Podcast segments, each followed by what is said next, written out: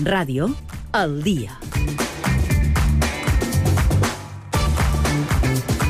Arriba el moment d'il·lustres a Balears, il·lustres idèntics a nosaltres. Podem saludar ja a Joan Rafael Coves. Joan Rafael, com estàs? Molt bon dia. Molt bon dia. Joan Rafael, si arriba la primavera i te poses màniga curta, quan arriba l'estiu deus anar amb biquini tot l'estiu. soy- I això com és? Soy del norte. Ah, ja te I veig. sempre tenc calor, jo. Jo vaig amb màniga curta quasi tot l'any. Però això troc que avui tampoc no me ve. Eh, de fora, fa un Oleat sol, i això, però de quina màniga curta. A eh? mi m'has fet un pot de fred, però bé. bé. Ah, no, no, no, no. Ja, la sangre, això, la sangre altera. Ah, vinga, anem a veure el nostre il·lustre de Peronà, si del nord o del sud o de les illes. Vinga, començam, un pot de música. Avui,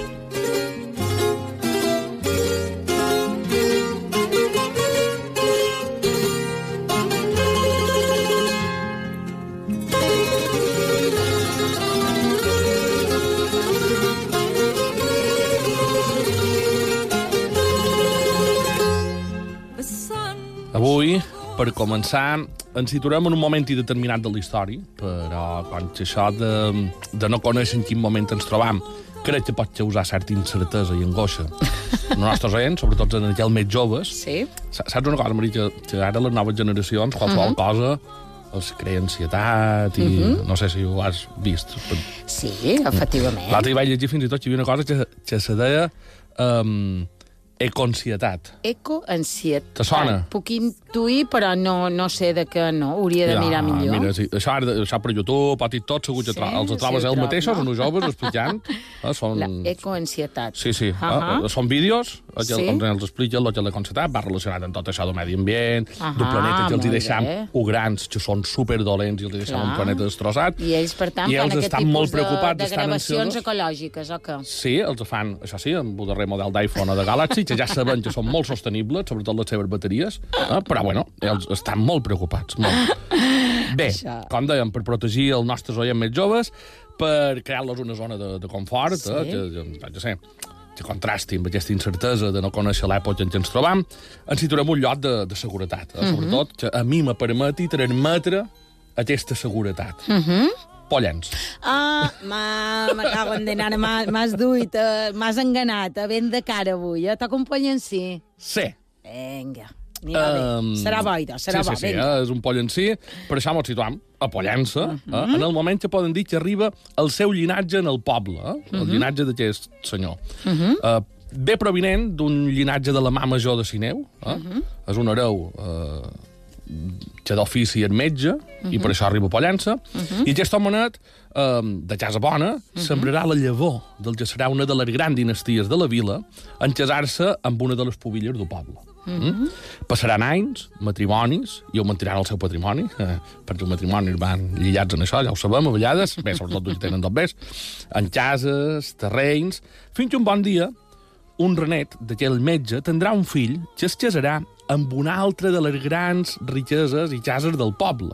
Uh -huh. Aquest matrimoni, format per en Miquel i na Junaina, seria possiblement la primera fortuna del poble i una de les més grans de Mallorca.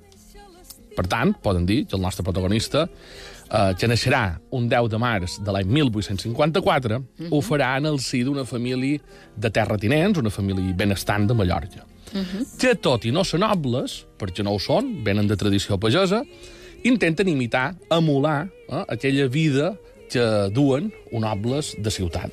Ah, el que diríem avui en dia nous rics, o què? Sí, però hem d'anar alerta aquí, perquè ja sabem que molt de nobles conserven el llinatge. Ja no tenen ni terres, molt de pit, Sí, no? efectivament, ni terres ni dobles. En canvi, la família de Miquel, que és el nom del nostre protagonista, és una família amb gran fortuna i que, més, té una gran influència social, cultural i religiosa. Per tant, té les dues coses, no?, per dir-ho d'alguna manera. Exactament. Eh, Són influents, Poder, poder i dobbers. Exacte. Uh -huh. A més, la família s'encarrega de, de, de fer-ho notar. Eh? Els, els agrada dir que són d'on són i que tenen tot bé. Fins uh -huh. i tot quan fan accions de caritat. Uh -huh. Les bones llengos, per dir-ho qualsevol manera, Sí, per exemple, anem. afirmen que a la casa pairal de Pollença cada dia es feia una bona olla de brou perquè tots els miserables del poble poguessin prendre una tassa no de brou, sinó de bon brou calent. Vols dir que també en els seus actes, fins i tot els caritatius, els utilitzaven per demostrar el seu poder? Sí, en certa manera, eh? Uh -huh. volien demostrar qui eren els Costa. La família Costa i Llobera. Mon cor estima un arbre més vell que l'olivera, més poderós que el roure, més verd que el taronger, conserva de ses fulles l'eterna primavera. Ara que hem arribat en els llinatges, un pla fort aquesta dins la Setmana de la Poesia. A més, eh, recordant que dimecres va ser el Dia Internacional de la Poesia, ens portes possiblement, eh, i no és perquè sigui de Pollença, però avui realment està considerat per molts el millor poeta mallorquí de la història. Això, Maria, això de possiblement. Ah. Això de possiblement. Pensa, ens podíem oferir la sensibilitat dels joves, però pot oferir sensibilitats literàries d'aquesta Balears nostra. Eh? Pensa que hi ha qui el posiciona com a millor poeta en llengua catalana, fins i tot. I doncs bé, en Miquel Costa Llobera neix a Pollença, però la seva infantesa serà entre Palma, on passaven els hiverns, el poble, on passa els estius, i la finca que marxa la seva obra, Formentor, on passa els mesos de més xaló de l'estiu. El crit sublim escolta de l'àguila marina o del voltor que puja se l'ala gegantina Això de passar l'hivern a Palma i l'estiu era... L'estiu després a Pollença era una cosa comuna? O... Sí, entre els senyors sí, però te diré una cosa, això de passar uns estius a Formentor, o qualque temporada de Formentor, jo crec que bueno, la majoria de nimpollancins i molts de mallorquins eh, també ho han fet, eh, concretament eh, en el campament de Jala Murta, que per cert són propietat de la Fundació Roger Villalonga, fundació que té com a missió la divulgació de l'obra del poeta. Ai, té, té vinculació, idò. Exacte, sí, perquè està dins el que era terreny seu, eh? dins, la seva, dins una de les seves finques. Per tant, ens podem imaginar que la infància d'en Miquel, amb el pilar de sa mare que vivia pel seu fill, únicament, uh -huh. serà una infància plàcida.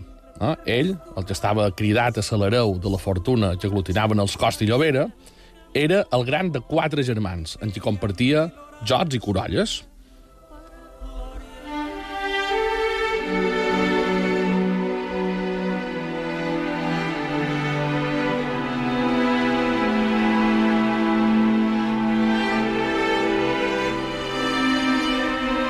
Ai, Joan Rafael, ja me poses una mica en alerta quan sona aquesta, aquesta melodia, aquesta música. Sol anunciar una cosa que habitualment no és bona, que, que, li, ha, que li va passar. Efectivament.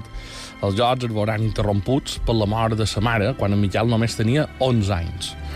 La mort de la seva mare el deixarà orfe d'atenció, quan dèiem, perquè sa mare vivia per ofís.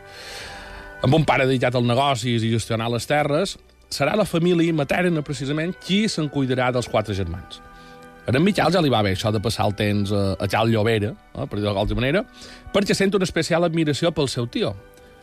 El metge, que és metge de professió, però poeta de vocació, eh, en Miquel Llobera. El seu tio era capaç de recitar Horaci, el gran poeta clàssic, i captar l'atenció del seu nebot. Eh? Ja fent no passa desapercebut per ell. De fet, conten que una de les ballades que anaven cap a Formentor, ho feien a peu, eh, el seu conco va veure que en Miquel no els seguia, que s'havia despistat, eh, per dir-ho d'alguna manera. Quan va tornar enrere a Sergiló, el va trobar assegut, girat cap a la immensitat de la mà, imagina't allà davant tu Colomé, això, uh -huh. girat cap a la immensitat de la mà, llegint Horaci, un nin de 11 o 12 anys. Pel seu tio, aquell va ser, aquella va ser com una revelació de qui podria ser en el futur el seu nebot. Podrien dir, idò, que aquesta vena literària li venia de sang, no?, i que el seu tio pot ser el, el seu mentor. Segurament, sí, en Miquel Costa i Llobera possiblement no hauria arribat a ser la figura literària que va ser si no hagués estat pel Concó Miquel, eh, que fou qui el va introduir a la literatura i també li va fer com a de tutor. Eh? Amb el part de, del temps, la seva vocació literària va créixer i la compaginava eh, la seva afició amb els estudis. Quan acaba el batxillerat a l'Institut Balear de Palma, on ja coincidirà, i això és important perquè ell va coneixent personalitats a diferents bandes i sempre, com ho bons, va deixant fils estesos, no? Mm -hmm. Així ja coincidirà en, en, en grans personalitats de la societat mallorquina, com membres de la família Maura, que ja sabem fins on van mm -hmm. arribar, Antoni, especialment, sí. um, en Joan Lluís Estelrich, un poeta i traductor bastant conegut també eh, aquí a Balears, que de fet també conservarà una amistat ja per tota la vida, i tot i que ell volia estudiar lletres, el seu pare, eh, quan acaba el batxiller, l'envia a fer dret. Vaja. Bé, faltaria més si l'hereu de Can Costa mos sortís ara un hippie bohemio, mm, sense ofici ni benefici, eh, al lloc de ser un home de profit. L'envien a fer dret, a estudiar lleis, no sé molt bé si, si li va agradar molt Pensa això. tu, en Costa, un amant de l'art literari, eh? com a qualsevol artista amb una sensibilitat especial, que l'obliguin a fer una carrera tan tot lo contrari eh? Mhm. com seria el dret. Clar, de la creativitat, eh, probablement, de la seva vessant més literària. A la anar literalitat de- sí, de a la tot, literalitat, efectivament, d'alguna manera. de les lleis. I, sí. La qüestió eh, és que Miquel arriba a Barcelona eh, en ple boom de la Renaixença i prest, què farà ell? Pues, entrarà dins dels cercles culturals i literaris de la ciutat comtal. Farà amistat amb personalitats literàries com Jacint Verdaguer, Marià Aguiló, Antoni Rubió... Aquest darrer, a més, esdevindrà un dels seus millors amics i confidents. Però, a més, amb altres personalitats catalanes. Pensau que ell té amistat amb el també pollencí Ramon Picó i Campamà, qui, com ell, també aconseguirà ser mestre ja en, en ja i saber, um, en Ramon Picó a l'any 1885, en Costa ja a l'any 1902, i Don Picó l'acostarà al seu mecenes, un tal, no sé si vos sonarà, Comte Güell, qui de rebot l'aproparà a l'altre protegit seu, que és l'Antoni Llaudí, també un altre desconegut, supos. Vaja, güey, Gaudí. I quedeu-vos amb aquesta dada, Sí. d'aquesta connexió Picó, Costa, Güell, Llaudí, eh, perquè serà important més endavant. Eh? Jo estic ara mateix al·lucinant, no, no, no, no m'acaben tots a dins el cap aquests noms que s'estan eh, relacionant amb aquesta història, no? Són com els màsters de, de la humanitat, de l'univers, no? Vaja, Sí, un, sí, sí, sí. Vaja, un historial. i espera perquè en Miquel està un any a Barcelona i se'n va cap a Madrid, l'any 1876, a seguir els estudis en dret. Recordau que estudia dret. Pobret, ell. Eh? No dret, té cadira, eh? però estudia Sí. sí. dret. Eh? Madrid, No és el mateix. Madrid, Madrid no li agrada gaire. Eh? Ell s'havia enamorat de la vida cultural catalana i volia bueno, un xoc cultural, eh? passar du pan tomàquia, com diuen ells, Sí? el bocata de calamares. sí. Jo no te diré qui m'agrada més, però herba, que és una transició que no tothom eh, sap assimilar. Eh? Uh -huh. Jo, aquest bocates de calamares m'agrada molt, però si si, si bocadillos que tornen allà que no hi ha pot gent de tomàquet Sí, ni oli. efectivament, eh? amb aquell pa xut.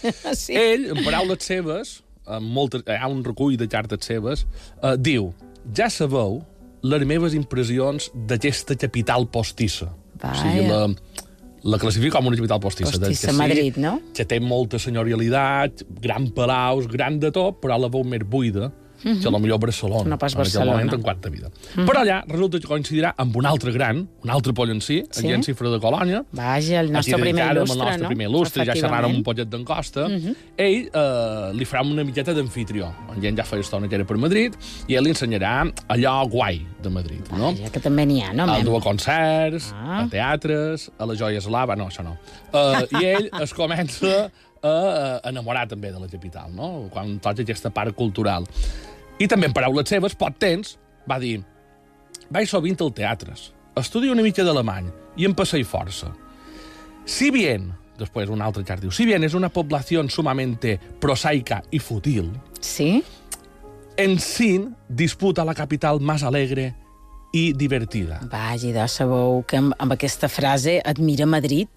No sé si admira tant els ciutadans o els veïns de Madrid. Mm, el Ah. tema és que Miquel, uh, sí, té, jo crec que té un, està enamorat de, de la cultura que uh -huh. se vivia a Catalunya, uh -huh. i la veu com una cultura molt participativa per la gent, però a Madrid ja ho veu com a... Sí, hi ha coses No culturals molt encaixa, no xules, encaixa igual de bé, no? però la gent no és igual. Però no. què fa? Continua estudiant? Com va el cosa? tema és que en Miquel uh, a Madrid s'ha desbarat una Ah, mica. vaja. No? Això de, de gent si fer per mal camí, sabeu, eh? Deixa els estudis de banda, que ja és curiós, un pedagog d'allí per mal camí que s'estudia allà, però bueno. me sorprèn. Eh, es dedica a sortir, a gaudir de la cultura, acompanyat sempre d'en Guillem, que, a més, l'acostarà al creucisme. Mm -hmm. Això mm, no agrada molt quan arriba Pollença a les orelles de son pare aquestes, aquestes conductes que té per allà, i a mitjan 1800, 1877 eh, el fa tornar cap a Mallorca. Mm -hmm. eh? Eh, en Miquel eh, se torna a trobar a Pollença, Sí? allà, eh, i que tot i estimar molt el seu poble i Formentor, doncs, després d'haver estat a Barcelona, després d'haver estat a Madrid, Se li queda sentirà petit, o què? una miqueta ofallat. Mm -hmm. eh?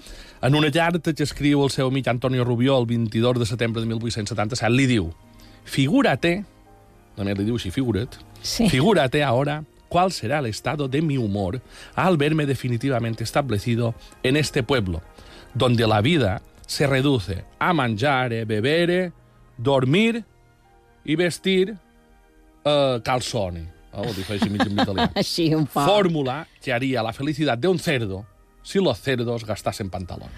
Mare meva. Imagina't, no uh Mhm. un Com- com se trobava ja ho Però, veig, sí. Clar, jo crec que allà se troba que no té ningú amb qui compartir les, les seves inquietuds culturals i de més. Poc després d'arribar a Pollença, en Costa decideix que vol ser capellà se li desperta la seva espiritualitat. uh, davant la negativa de son pare, que no ho consentirà, no vol que sigui capellà. Uh, ell està encapotat en preparar-lo per ser l'hereu de la seva fortuna. Uh, Miquel insisteix, a més s'ajuda de- d'un- de- d'un- d'un- del capellà Cifra perquè uh, convenci son pare. Finalment aconsegueix imposar les seves aspiracions uh, damunt les del seu progenitor i l'any 1885 partirà a fer teologia ni més ni manco que a Roma. Si tenim duros uh -huh. i tanmateix faràs el xatadón i la llana, el manco uh -huh. fes-ho por la puerta grande, por todo lo alto. Jo crec que lo de pensar son pare. Allò és el de que va pensar, clar. Vete cap a Roma i ho feu bé. Abans de pensar que si potser no hagués tingut aquesta riquesa, segurament, no sé, hauria estat un capellanat sortit del, del Seminari Major de Palma, que no sé si en aquell moment existia, però de tota manera, Joan Rafael, aquesta vocació sa- sacerdotal, d'on li ve? Mem, és innegable que en Miquel ve d'una família tradicionalment cristiana. Mm -hmm. De fet, sa mare tenia tres germans capellans, quasi res.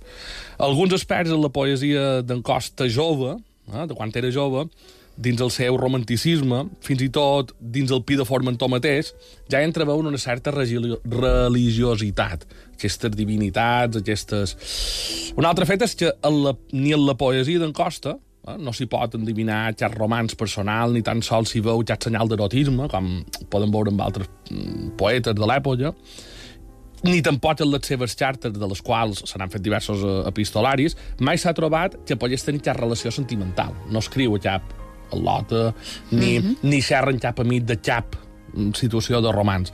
Per tant, pot ser que fos un tema que tot i decidir-se ja amb una certa edat, perquè ja té 30 i pico d'anys, eh, li coasa de dins, eh, des de feia temps. Però jo, a més, ho interpret com una via d'escapament. Eh?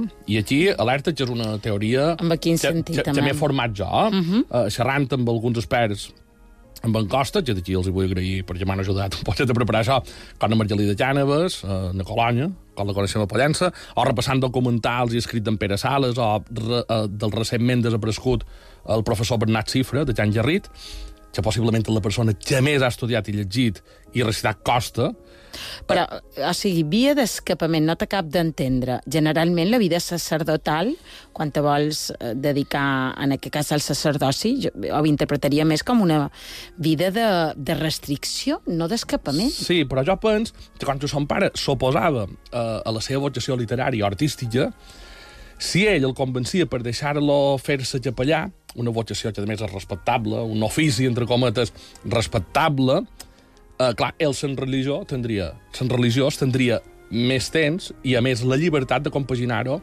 eh, i poder-se dedicar a escriure. Ah, O sigui, d'acord. com una manera I, de més, dir- anar, anar a Roma, la, for la part de la formació, sí, probablement hagués segut, eh, seguit un model més clàssic de casar-se i tot això no hagués tingut tant de Eh, temps. eh, exactament, Està ben, exactament. Sí, t'ho puc comprar, t'ho puc comprar. Gràcies, gràcies. bueno, estudiant a Roma en Costa continua fent el que sabia fer. Bones amistats, i amistats, per exemple, que el faran que pugui ser canonge pontifici de la seu en un futur. O que, segons diuen les males llengües, fou qui mollés els fils per aconseguir que el bisbe Campins fos enamorat com a tal. I el bisbe Campins pensava que va ser qui va impulsar la famosa reforma de la seu, Sí? que va fer un tal Antoni Lleudí. Vaja. Ja us he dit que no vos oblidar-vos Sí. d'aquesta relació entre en Lleudí Ara i en. Miquel nostre. Ara ho veig, que puc, no desconeixia aquesta relació amb en Miquel, amb el nostre il·lustre d'avui, efectivament, quan amb aquesta en reforma tan polèmica de la Quan en seu. Lleudí arriba a Mallorca, qui el rep, i a més el convida a Pollença i de més, és, És en en Miquel, Miquel. Costa i Llobera, i ve acompanyat del Comte Güell, a més. O sigui que en certa part pareix que és en Miquel que convenç en Campins de que sigui en Lleudí que ho faci, convenç en Lleudí que sigui ell qui faci la d'això. No? O sigui, fa un pot d'intermediari, és un que ho ocasió. Però la col·laboració de Miquel amb el bisbe Campins que a la vellada col·laborava amb mossèn Antoni Alcobé. Mare meva, quin altre trident, no, aquí? Sí. Qui no coneixia aquest? No sé, però jo és que, així com anava escrivint, sí, és que ha estat un eh, personatge que dic, meva. m'ordona per fer quatre il·lustres, Sí. perquè uh, veureu que passant com molt per damunt, la, la part literària quasi no la toquem, la més coneguda, també crec que la que podem obviar, i doncs, mireu, la col·laboració del tres, aquest, dels tres mosqueteros aquests eh, sí. impulsaria la reforma del pla d'estudis del seminari, eh, en la qual va incloure l'assignatura d'Història i Llengua i Literatura de Mallorca. El primer any del seu nomenament, ja això, del Bisbe Campins. Uh -huh. pensau que, a més, ell eh, institueix uns certàmens científico-literaris en els quals el que se cercava era que el català formés part de la formació d'una manera normal i la convocatori de cada any d'un premis per temes relacionats amb la cultura catalana i en Ramon Llull i la seva obra. Amb aquest fet, per resumir, podríem dir que va ser la primera institució dels països catalans, o com li voleu dir, en ensenyar en català. Baja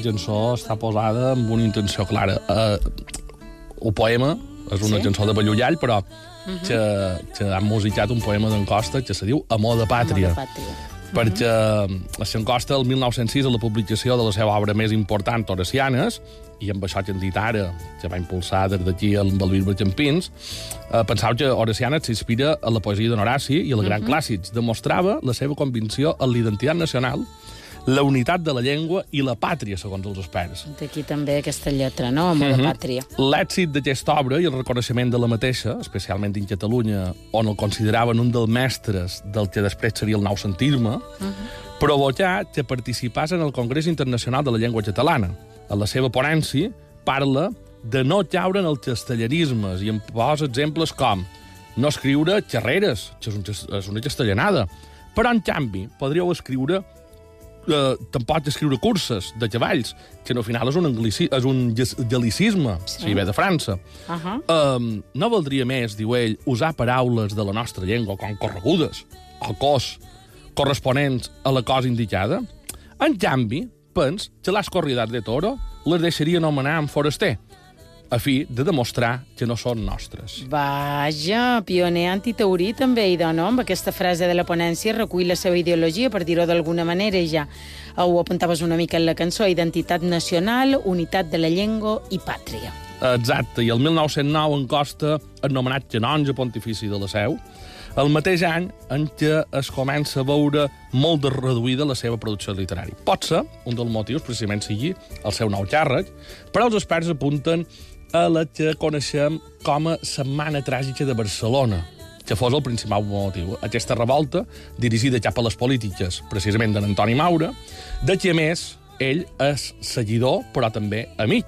Uh -huh. Sabent que aquests fets també van en contra de l'estament eclesiàstic. Ho veiran quan fèrem aquell capellà que va estar per Eivissa, Sí, a la sí, sí. del Pedrà, Sí, sí. i doncs cremen esglésies, profanen convents i temples. Això a ell li afecta molt, especialment pel que ell contempla com una decepció d'aquell poble que ell tan admirava, tan estimava, el poble català. Ell no podia concebre ni entendre que el poble en qui et sentia tan identificat i que era tan amic, actuar d'aquella manera. Uh, aquest desencís, diguem, i, i ell, de més, també com a crítics intel·lectuals que no frenassin aquella revolta, uh -huh. uh, aquest desencís tant identitari com polític afecta directament a la seva producció literària. En aquests moments, a més, ja es troba lluny de la seva musa, que és Formentor, perquè podríem dir que ja d'una vida com a més ciutadana i institucional de l'Iglésia.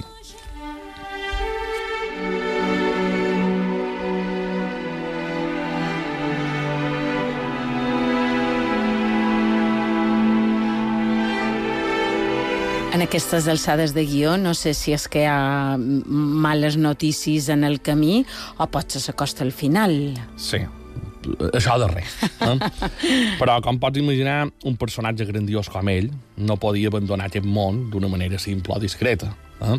Ho havia de fer d'una manera gloriosa. Uh -huh. 17 d'octubre de l'any 1900... Com havia estat la seva vida, Exacte. no? De l'any 1922, en Miquel Nostro es trobava enfilat a la trona del convent de les Teresianes, de Palma, precisament fent el sermó dedicat a Santa Teresa de Jesús, i just en el moment en què deia davant el Sant Crist, Santa Teresa, Santa Teresa va caure estaciada, en costa, Xavier Redó, víctima d'un infart. Vaja. A partir de llavors, eh, ja només poden gaudir del seu llegat en forma de poesia i recordar-lo al veure que dona nom a infinitat de carrers de centres escolars de les nostres illes.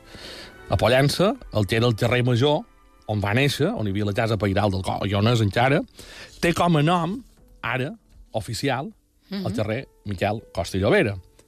Tot dic carrer Major, però l'oficial és Miquel Costa i Llobera. Però no només ell forma part de la llista de carrers de Balears i de Catalunya, també alguns dels personatges de les seves obres, com na Russa Mantells, que escoltàvem mm -hmm. en Abril Mar Bonet primer, Sí, eh? inicialment. o na Nuret Duna. Ah, d'acord. I els seus descendents viuen encara a Pollença? No, els seus descendents eh, eren nebots, Bé, clar, entenc, dels seus germans, sí, no? Clar. hereus de la, de la Mhm, sí. família, varen vendre tota la, la casa pairal, la varen vendre. Han de dir que la, la gent que la va comprar va fer una gran labor de conservar-la Ah, tal i com la varen deixar respectuosa, seguir, no? mobles, Sí. tot igual. L'únic que van afegir va ser un bust, precisament, de Miquel Costa Molt a dins, bé. a dins el jardí. Si aneu a visitar-la, no és que hi hagi visites oficials, però si demaneu per entrar no crec que vos posin problema, um, Que interessant. està talment, fins i tot hi ha joietes, fins i tot en costa, eh? joietes a les que va jugar en costa. Um, després, la part llobera, el casal de Tall Llobera ara és de l'Ajuntament, està a la plaça B, és d'allà on IB3 grava Upi de Sant Antoni Sí. cada any, i ara és un centre cultural, hi ha l'arxiu municipal, eh, hi ha la biblioteca, i, i forma part de tots els pollencins ara mateix. Clar, I era la part de, la, de sa mare. Formentor, ja sabem a quina situació està. Sí. Ara, ja la Murta sí que Formentor ja no, no és de la família, i ja la Murta sí que és d'una fundació que, eh, És diguéssim, allò que explicaves tu, Sí, no? la Fundació aquesta labor, Vilonja que fa aquesta labor de, i... de conservació i de Tot això difondre sense que la família hagi, hagi quedat aquí per Exacte. Mallorca. Que curiós, que curiós. Molt, molt interessant, i és vera que és un il·lustre d'aquests il·lustres de, de pedigrí, però jo no, no coneixia tots aquests aspectes de la seva vida. Molt bé. Moltes gràcies, Joan A Rafael. vosaltres. Bon cap de setmana. Igualment.